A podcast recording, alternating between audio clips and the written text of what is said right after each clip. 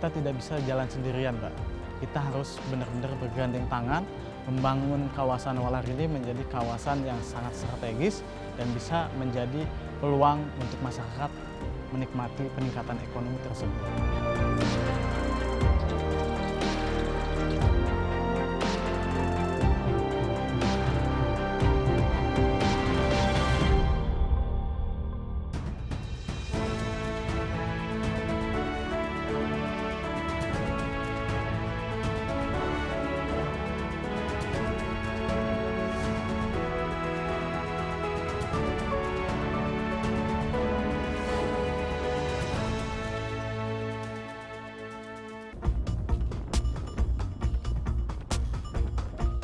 Dari Jalan Raya Klari Karawang, kendaraan berjalan menuju ke arah selatan sejauh 2 km. Sebuah bangunan berarsitektur khas kokoh berdiri di atas Sungai Citarum yang bernama Bendung Walahar. Bendungan yang dikenal dengan nama Parisdo ini mulai berfungsi saat masa kolonial Belanda pada 1925. Selepas bendungan kuno, panorama alam tampak indah dipandang mata. Ya, inilah Danau Cinta. Seperti namanya, dari ketinggian danau ini memiliki bentuk seperti hati. Empat tahun yang lalu, Danau Cinta kondisinya sempat terbengkalai. Namun kini, danau yang berada di Desa Walahar, Kecamatan Klari ini perlahan berubah rupa. Tempat ini menawarkan pemandangan yang memesona. Ya, perubahan Danau Cinta adalah buah ketekunan Enjang Ramdhani Laki-laki 26 tahun yang akrab disapa Ubed ini adalah penggagas Yayasan Pesona Walahar Kreatif. Bersama dengan empat orang temannya, Gary, Tommy, Abdurrahman, dan Rizky, Ubed merevitalisasi Kalimati menjadi Danau Cinta Eco Resort, sebuah lokasi yang dulunya dimanfaatkan warga setempat sebagai tempat penambangan pasir. Dulunya Danau Kalimati setelah kita rebranding menjadi Danau Cinta dan di 2015 itu ini sempat dipergunakan oleh warga menjadi tempat makan. Tetapi sekitar hampir empat tahun lebih tempat ini terbengkalai dan akhirnya tempat ini dipenuhi oleh ilalang bahkan menjadi tempat pembuangan sampah. Di 2019 kita masuk ke sini mulai menggarap kawasan ini dan kawasan ini alhamdulillah sekarang di tahun 2023 menjadi kawasan ekowisata yang dikunjungi oleh banyak orang. Perjalanan membangun Danau Cinta Eco Resort diakui Ubed tidak seperti membalikan tapak tangan. Perlahan tapi pasti, ide, kreativitas, dan kekompakan tim menjadi alasannya untuk mengembangkan usaha ekowisata di lokasi seluas hampir satu hektar ini kita memberikan contoh bahwa bukan hanya ke industri saja kita bisa bekerja, kita bisa mendapatkan penghasilan, ada jalan lain yaitu bisa membuka lapangan kerja, eh, membuka lapangan usaha seperti membuat usaha kafe, membuat usaha makanan atau lain-lain. Karena melihat Walar ini adalah segitiga emas di mana sebelah sana itu ada kawasan industri yang banyak sekali, hampir lebih dari seribu perusahaan, dan di sebelah sana itu kawasan perumahan dan tempat ini adalah tempat dilalui oleh banyak kendaraan oleh masyarakat yang berlalu lalang. Strategis sekali. Langkah Ubed mengembangkan usaha mendapat dukungan penuh dari Pertamina. Selain perubahan lingkungan dari sisi ekonomi dan pendapatan, laki-laki asal Kerawang ini mengaku omset usahanya menembus hingga 40 juta rupiah per bulan. Pertama yaitu kita mungkin dari segi ekonomi kita meningkat ya dari dulu kita mungkin uh, saya pribadi pendapatan hanya bersumber dari satu yaitu berjualan. Tetapi alhamdulillah sekarang sudah ada ini yang diberikan kolaborasinya programnya dengan Pertamina. Pendapatan ekonomi menaik kayak gitu kan. Terus kita menjadi salah satu contoh figur bagi anak-anak muda lainnya.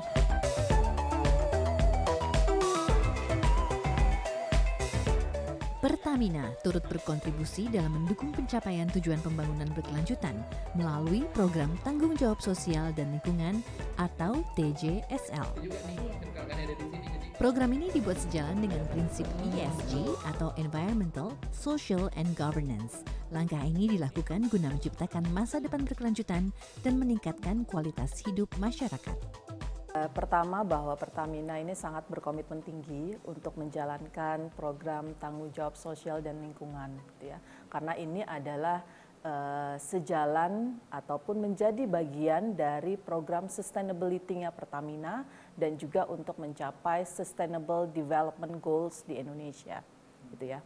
Dan kemudian uh, terkait dengan hal tersebut, Pertamina ini banyak menjalankan kegiatan-kegiatan agar eh, targetnya adalah Pertamina dikenal sebagai perusahaan yang tidak hanya baik dari sisi kinerja operasional dan juga eh, keuangan, tapi juga eh, having social responsibility, kemudian juga eh, environmentally eh, friendly dan juga good corporate governance. Gitu. Untuk eh, program lingkungan, kami memiliki program Desa Energi Berdikari.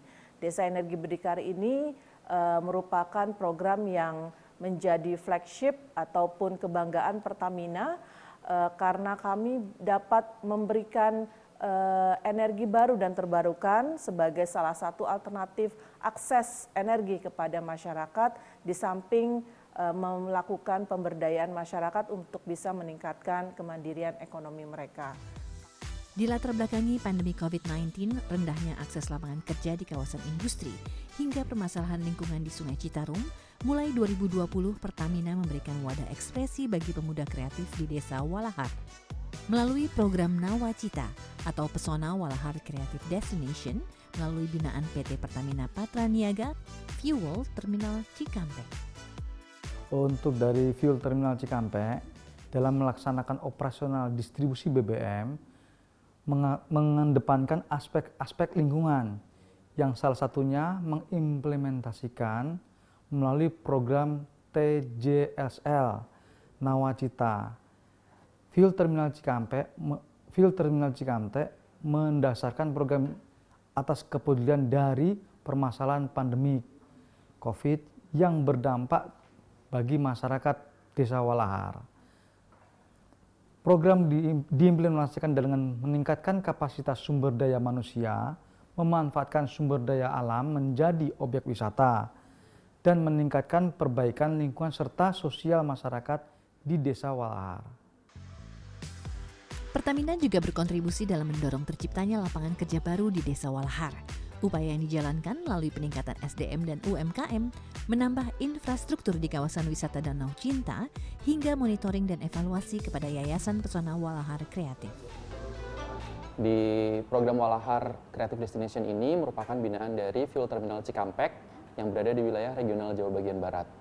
Pertamina melalui Fuel Terminal Cikampek melakukan social mapping untuk memetakan permasalahan yang ada di sekitar uh, wilayah operasional kita dan ketika di pemetaan kita menemukan bahwa di wilayah Walahar ini terdapat potensi yang belum dikembangkan sehingga kita bertemu dengan kelompok masyarakat, kelompok pemuda uh, sehingga kita akhirnya memutuskan untuk mengadakan kegiatan di sini atau menjalankan program TJSL bersama dengan kelompok pemuda yang diketuai oleh uh, lokal hero kita.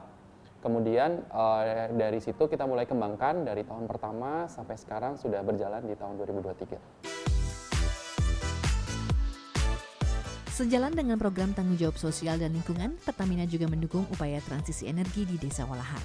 Mulai 2022, fokus program Nawacita adalah membangun desa energi berdikari Pertamina dengan memberikan akses energi bersih sebagai penggerak kemandirian ekonomi berkelanjutan. Inovasi energi baru terbarukan yang dihadirkan di Danau Cinta Eco Resort adalah inovasi teknologi biogas eceng gondok dan solar panel. Eh, kami melaksanakan eh, realisasi desa energi berdikari dalam program Wana Cita terdiri dari dua jenis energi baru terbarukan yaitu satu energi baru terbarukan panel surya berkapasitas 2,2 kWp dengan memanfaatkan potensi sinar matahari yang dikonversikan menjadi sumber daya listrik. E energi baru terbarukan biologi eceng gondok yang berkapasitas 4 meter kubik dengan memanfaatkan limbah eceng gondok yang berlimpah dan di areal Danau Cita dan Sungai Citarum yang konversi menjadi sumber energi biologis. Pemanfaatan potensi lokal yang dikonversikan menjadi sumber daya energi tersebut ditunjukkan untuk meningkatkan dampak program secara ekonomi, sosial, dan di lingkungan, di lingkungan secara berkelanjutan. Tahun 2023, inovasi Resto Apung serta teknologi hybrid Eco Dry tengah dikembangkan di Danau Cinta Eco Resort. Jadi untuk untuk pengembangan uh, kawasan Walahar ini sendiri atau Danau Cinta Eco Resort ini uh, itu adalah dari dua pihak. Jadi inisiasinya memang semua kita uh, berasal dari kelompok masyarakatnya. Kemudian Pertamina memfasilitasi perencanaan-perencanaan yang di uh, yang dimiliki oleh kelompok. Sehingga kita memberikan dukungan baik secara teknis maupun non teknis kepada kelompok. Kemudian dalam proses pengembangan dan perjalanan uh, pengembangan programnya Pertamina juga selalu mendampingi. Jadi di sini ada kolaborasi dan sinergi antara Pertamina dengan mitra binaan kita atau uh, masyarakat yang kita bantu.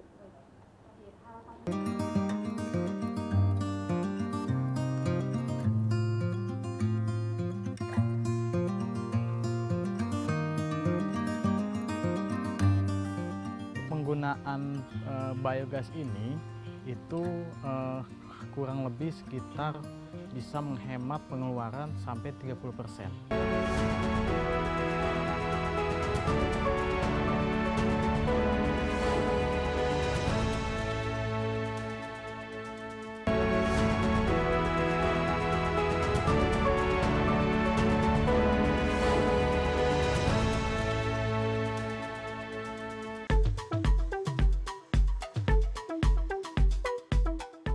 Pesona Walahar Creative Destination menjadi lokasi energi baru terbarukan dengan energi ramah lingkungan untuk setiap aktivitas operasionalnya. Sumber energi di Walahar ini memiliki keunggulan, yaitu dapat diproduksi dalam waktu yang lebih pendek dibandingkan dengan sumber energi tidak terbarukan. Danau Cinta Eco Resort memanfaatkan sinar matahari sebagai sumber energi baru terbarukan melalui sistem solar panel. Potensi energi bersih ini tergolong besar karena wilayah Katulistiwa hampir selalu mendapatkan sinar matahari termasuk di Desa Walahar. Pemasangan PLTS di area Danau Cinta Walahar dengan kapasitas 2,2 kW peak atau kapasitas ini setara 2200 watt dengan maksimal penggunaan energi listrik selama 45 jam. Itu artinya penggunaan energi baru terbarukan menghemat biaya pengeluaran listrik hingga Rp366.000 setiap bulannya. Selain itu, listrik dari panel surya ini juga telah berkontribusi dalam pengurangan dampak emisi sekitar 2,86 ton kilogram CO2 ekuivalen per tahun. Untuk hari ini kita masih di 40 persen uh, pemakaian dari solar panel karena kita masih ada dua uh, sumber listrik ya. Pertama dari PLN dan keduanya ada dari solar panel. Dan ke, uh, ke depannya insya Allah kita akan semuanya kawasan Danau Cinta Eco Resort ini akan menggunakan seluruhnya memakai solar panel. Ubed menyebut energi bersih dari solar panel di Danau Cinta Ekowisata dapat menjadi lokasi percontohan yang inovatif dan berkelanjutan. Selain itu, tempat ini juga dapat menjadi sarana edukasi kepada pengunjung dan masyarakat sekitar. Itu solar panel ini selain menjadi penambah energi listrik, solar panel ini menjadi salah satu di mana tempat edukasi bagi masyarakat dan masyarakat datang ke sini ingin melihat kok bisa ya listrik berasal dari sumber matahari. Kebetulan alhamdulillah uh, untuk uh, instalasi kabel dan lain-lain itu aman se uh, semuanya. Cuman kendalanya itu aja sih ketika mataharinya redup atau mendung atau hujan seharian atau dua hari tiga hari itu pasukan uh, listrik dari matahari itu akan berkurang kayak gitu. Di Danau Cinta Eco Resort juga memiliki energi bersih biogas. Energi baru terbarukan ini diperoleh melalui mekanisme sistem biodigester dengan memanfaatkan eceng gondok menjadi energi alternatif yang menghasilkan gas. Eceng gondok di sekitar Sungai Citarum dan anak aliran sungainya di Desa Walahar diperkirakan jumlahnya mencapai 20 sampai 30 dump truck atau sekitar 140 sampai 210 kubik. Setiap satu minggu sekali, Ubed dan kawan-kawan menyacah 50 kg eceng gondok. Hasil cacahan tersebut kemudian diisi ke dalam instalasi fixed dome berukuran 4 meter kubik. Proses ini menghasilkan sekitar 1.600 liter biogas. Jumlah yang setara dengan menyalakan satu kompor tungku selama 8 jam. Artinya, secara ekonomi, biogas mampu menghemat pengeluaran. Dari aspek lingkungan, energi alternatif ini juga mampu berkontribusi dalam penanganan sampah eceng gondok lebih dari 18 ton per tahun. Ya, jadi penggunaan e, biogas ini itu e, kurang lebih sekitar bisa menghemat pengeluaran sampai 30%. Misalnya contohnya kita per bulannya bisa keluar tiga tabung itu kalau dicampur dengan biogas tersebut itu hanya membutuhkan satu bulan itu satu tabung. Jadi langsung kita ambil si eceng gondok ini ke darat. Setelah di darat kita cacah melalui alat pencacah tersebut.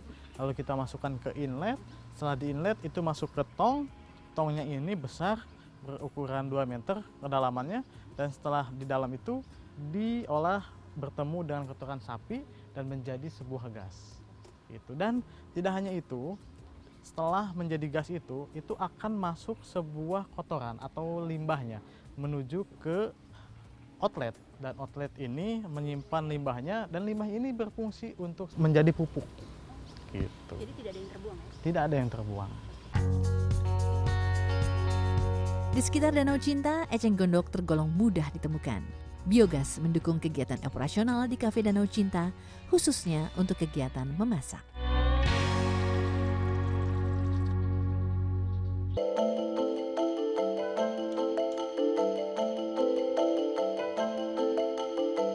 membangun kawasan Walar ini menjadi kawasan yang sangat strategis dan bisa menjadi peluang untuk masyarakat menikmati peningkatan ekonomi tersebut.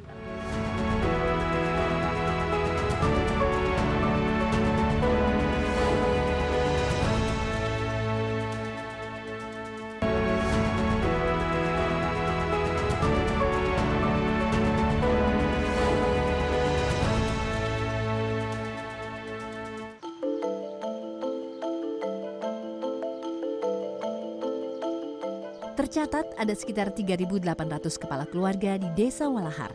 20 persen masyarakatnya mencari penghidupan di bidang pertanian dan perikanan. 40 persen lainnya bergelut di bidang industri. Pemerintah Kabupaten Karawang terus mendukung pelaku UMKM agar selalu mengembangkan usaha. Data laman Karawang Kabupaten.go.id menulis pada 2020 jumlah UMKM yang tersebar di Kecamatan Kelari sekitar 3.000 pelaku usaha. Di antara beragam hasil kreativitas masyarakat, terdapat di antaranya hasil produk UMKM yang ramah lingkungan.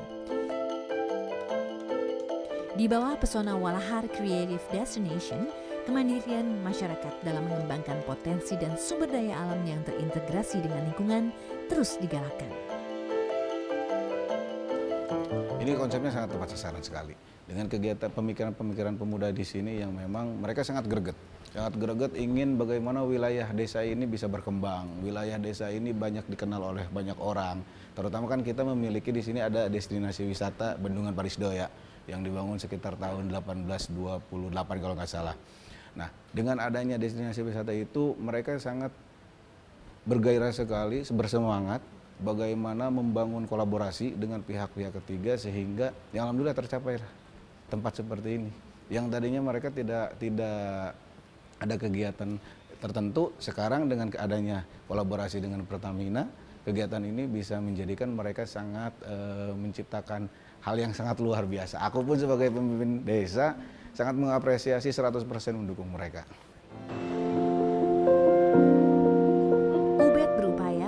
terus memajukan UMKM di sekitar Danau Cinta.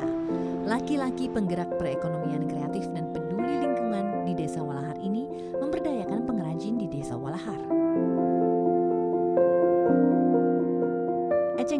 menjadi faktor hadirnya kreativitas warga Desa Walahar. Di tangan pengrajin asal desa di sekitar Danau Cinta, hama perairan ini disulap menjadi kerajinan ramah lingkungan yang memiliki nilai jual tinggi. Ubed juga memotivasi pengrajin untuk terus berinovasi dan mengasah kreativitasnya. Saat ini setidaknya ada 10 pengrajin eceng gondok yang ada di bawah Yayasan Pesona Walahar Kreatif ini.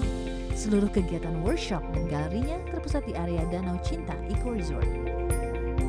Kerajinan dan uh, workshop ini adalah bagian dari Yayasan uh, Yayasan Pesona Walahar Kreatif yang langsung juga dibina oleh Pertamina dan tugas saya sebagai ketua yayasan di workshop dan kerajinan ini yaitu pertama memonitoring terus evaluasi dan juga memberikan masukan-masukan terhadap produk-produk apa yang akan dikerjakan dan juga sampai ke titik harga bahkan kita pun di yayasan memberikan suatu uh, cara bagaimana untuk menentukan pasarnya seperti itu.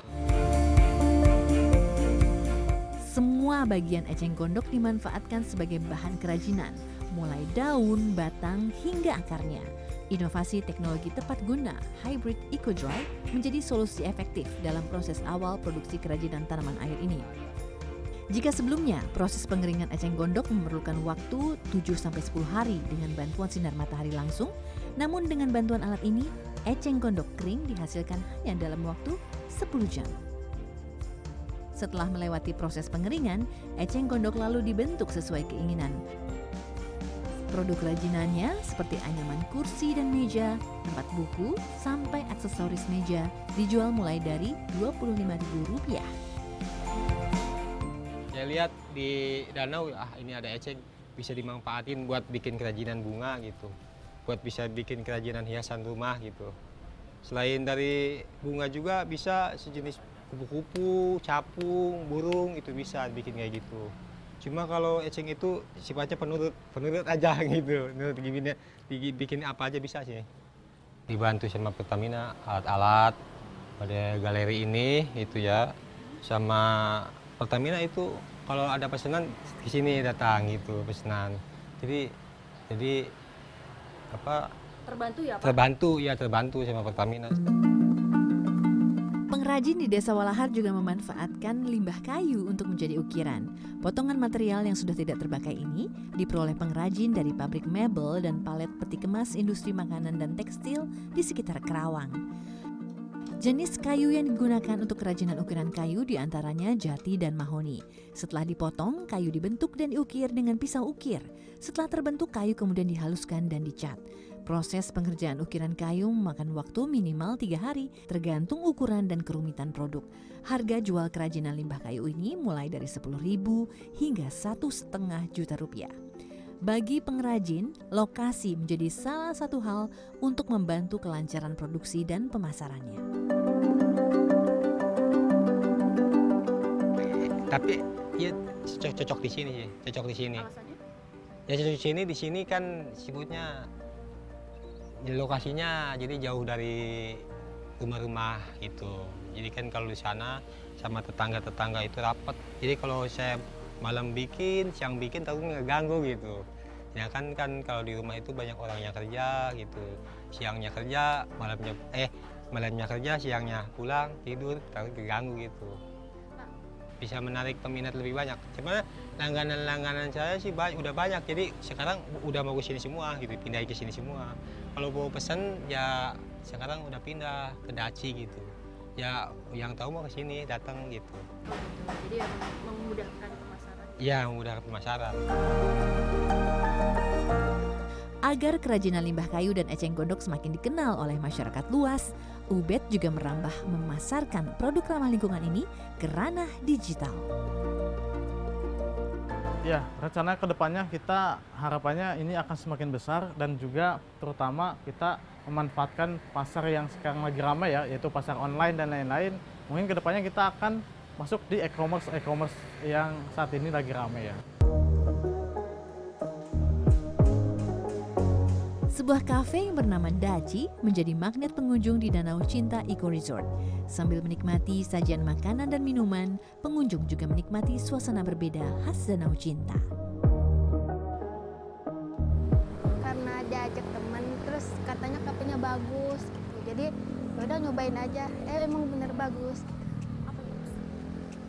Kafenya terus makanannya juga enak. Ini cocok ya, jadi suasana siang juga anginnya masih ada, malam juga nggak terlalu gelap ya, karena suasana sebelah timur juga ini lebih luasa, jadi kayaknya pas banget untuk acara keluarga dan pribadi ya, duduk-duduk di sini seperti itu.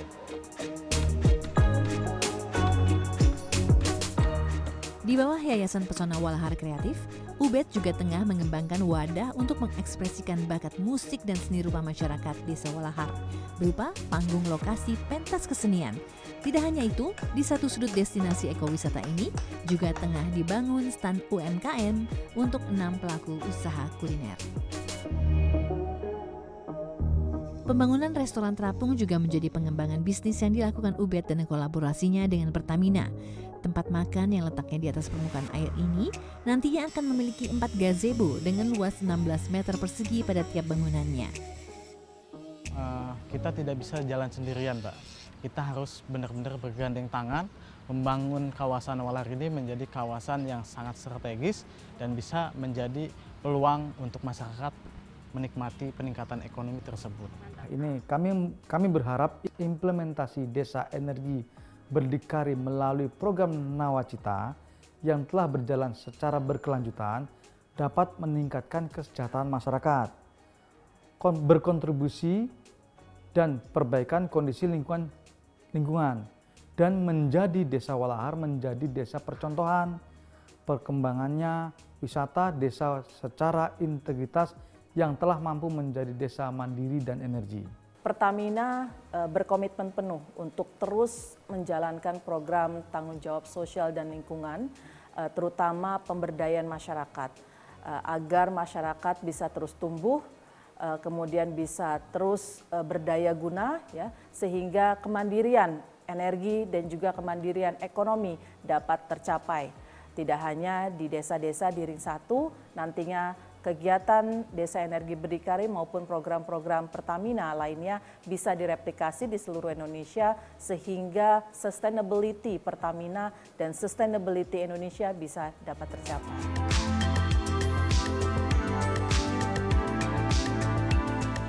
Program Desa Energi Berdikari di Desa Walahar memberikan akses energi baru terbarukan sebagai solusi kebutuhan energi masyarakat setempat. Melalui program ini turut menggiring masyarakat mengembangkan potensi ekonomi demi UMKM yang mandiri, bangkit, dan naik kelas.